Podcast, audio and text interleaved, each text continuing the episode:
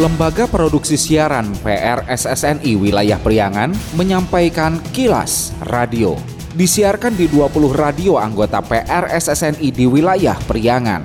Dan kilas radio edisi kali ini di antaranya mengenai kawanan pencuri bobol rumah saat penghuni sholat tarawih.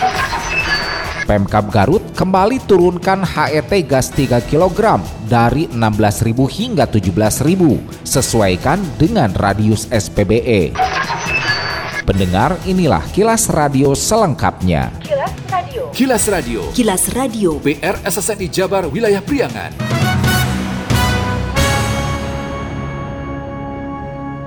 Kawanan pencuri membobol rumah warga di Pangandaran saat seluruh penghuninya tengah melaksanakan sholat tarawih di masjid tak jauh dari TKP. Uang tunai dan sejumlah barang elektronik senilai puluhan juta rupiah raib dibawa para pelaku. Aksi pencurian terjadi di rumah milik Raswi Sapitri di Dusun Pasar, Desa Ciganjeng, Kecamatan Padaherang, Kabupaten Pangandaran. Raswi Sapitri mengatakan ia mendapati kondisi pintu rumahnya sudah dalam keadaan terbuka dan rusak. Diketahui pencuri memasuki rumah melalui pintu bagian depan dengan menjebol kunci pintu dengan menggunakan alat. Menurut Sapitri, 4 unit handphone, satu unit laptop dan uang yang tersimpan di dua tas total sekira 12 jutaan raib di gondol maling. Laptop, HP 4, uang 11 setengah sama tasnya sama dompetnya Oh, dompetnya berarti semua di itu yang nggak ada yang disisain ya? nggak ada kayak udah tahu tempatnya cuma buka lemari doang mudah-mudahan ketemu kalau enggak ya dapat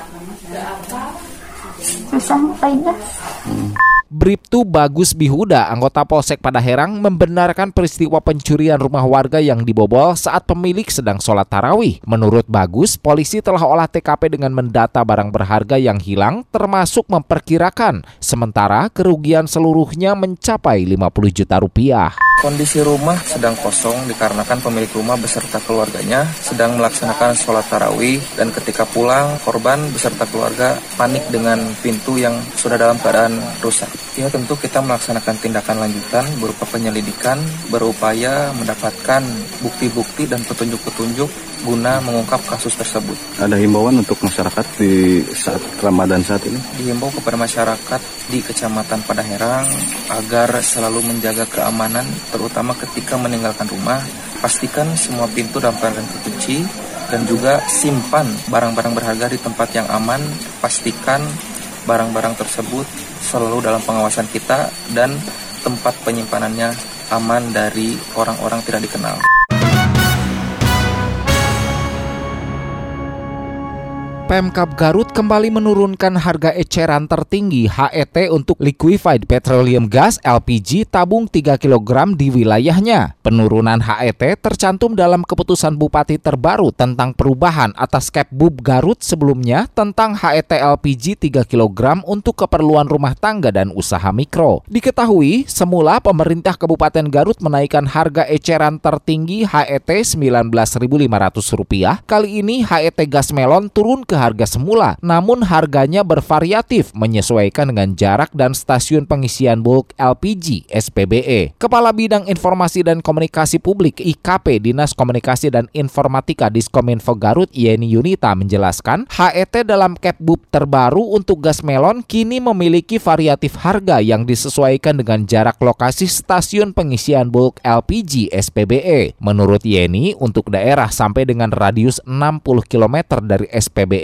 HET ditetapkan berkisar di angka Rp16.000. Untuk daerah sampai dengan radius 90 km dari SPBE, HET-nya Rp16.500. Untuk daerah sampai dengan radius 120 km dari SPBE, HET-nya berada di angka Rp17.000. Untuk daerah sampai dengan radius 60 km dari SPBE harga tertingginya berkisar di angka 16.000. Kemudian untuk daerah sampai dengan radius 90 km itu sebesar 16.500 dan untuk daerah sampai dengan radius 120 km itu berada di angka 17.000. Harga eceran tertinggi ini sendiri turun berkisar di angka 2.500 sampai 3.500 dari Kepup sebelumnya.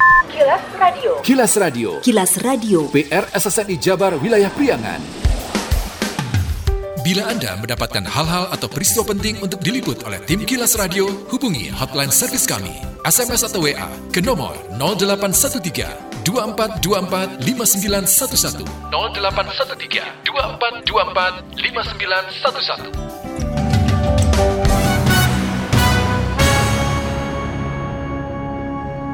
Pimpinan Pondok Pesantren Darussalam Kabupaten Ciamis, Kiai Haji Dr. Fadli Liani Ainu Syamsi, launching buku Madah Cinta bagi Kanjeng Nabi, gambaran efikasi musik sufistik Qasidah Burdah sebagai sarana pendidikan ruhani di pesantren dalam rangka memperingati Hari Kemerdekaan Republik Indonesia ke-80 dalam hitungan kalender Hijriah pada 9 Ramadan 1444 Hijriah di Gedung Nadwatul Umah Pondok Pesantren Darussalam Sabtu 1 April malam. Fadli Liani Ainu Syamsi yang kerap disapa Ang Icep mengatakan buku yang ditulisnya merupakan intisari disertasinya tentang bermusik. Musik terapi yang menggunakan chord qasidah burdah untuk memberikan semangat dan pencerahan dalam kehidupan lewat musik. Buku dan lagu itu memberikan gambaran bermusik yang melahirkan kebenaran dan efikasi musik sufistik kasidah burdah sebagai sarana pendidikan ruhani di pesantren. Ang Icep menjelaskan bermusik itu tidak semata untuk hiburan saja, namun yang bisa menumbuh kembangkan nilai-nilai pencerahan pencerahan dalam batiniah. Musik juga bisa memberikan gairah kehidupan, semangat dan motivasi, serta mengokohkan jiwa dalam kehidupan seseorang.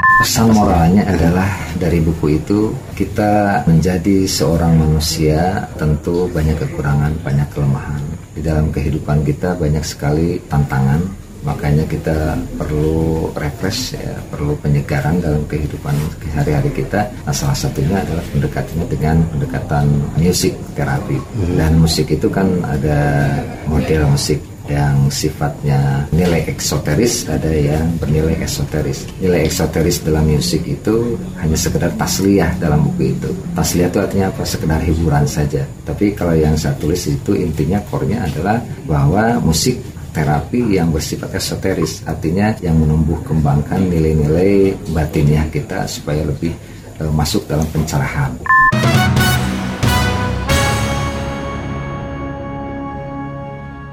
Pemerintah Kota Banjar melalui Dinas Kesehatan launching PIN polio Senin 3 April 2023 di Posyandu Kenanga RW 8 Kelurahan Banjar. Kepala Dinas Kesehatan Kota Banjar Dr. Andi Bastian mengatakan PIN polio digelar dua putaran pada awal April dan putaran kedua pertengahan Mei. Andi berharap semua anak usia 0 sampai 59 bulan bisa melaksanakan vaksinasi polio secara serentak sehingga bisa mencegah KLB berkelanjutan. Subpin polio yang dilaksanakan sekaligus launching di Kota Banjar pada hari ini untuk dua putaran, putaran pertama awal April dan dilanjut nanti putaran kedua di pertengahan Mei.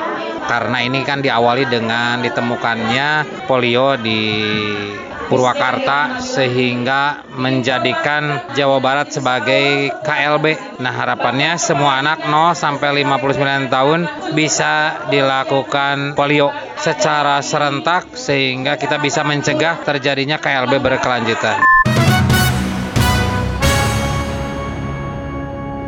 Masih informasi terkait, di kota Tasikmalaya, PIN polio di launching di Puskesmas Mangkubumi. Kepala Dinas Kesehatan Kota Tasikmalaya Dr. Uus Supangat mengatakan pihaknya menargetkan 51 ribu lebih, sementara yang sudah terverifikasi 47 ribu. Uus menyebut PIN polio digelar dua putaran. Stok vaksin putaran pertama sudah tersedia. Alhamdulillah kalau di kota Tasikmalaya ini belum ada. Mudah-mudahan tidak ada lah ya, tidak ada kasus polio ini. Sasaran kita estimasinya yang ada di kota Tasikmalaya, estimasi dari pusat, itu yang akan kita imunisasi itu sebanyak 51.298 kita sedang cocokkan data ini dengan kondisi real yang ada di lapangan yang ada di kita. Nah, sementara yang sudah terverifikasi di kita kurang lebih 47.871. Nah, ini sedang kita terus sesuaikan sesuai dengan kondisi yang ada. Kilas Radio. Kilas Radio. Kilas Radio. PR SSNI Jabar Wilayah Priangan. Sekian Kilas Radio. Saya Dido Nurdani beserta tim Kilas Radio Priangan. Salam PRSSNI. Kilas. Kilas. Radio.